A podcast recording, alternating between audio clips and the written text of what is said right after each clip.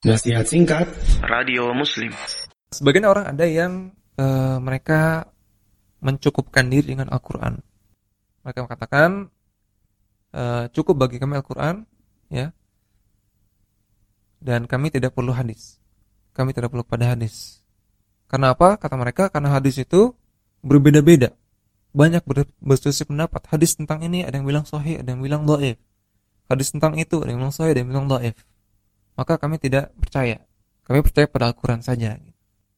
Baik, kalau demikian, maka bagaimana kalian sholat kalau misalnya cuma percaya Al-Quran saja?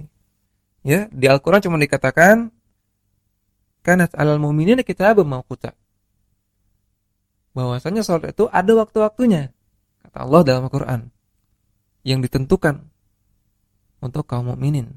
Tapi kapan, berapa kali sholat itu dalam sehari, itu tidak dijelaskan dalam Al-Quran.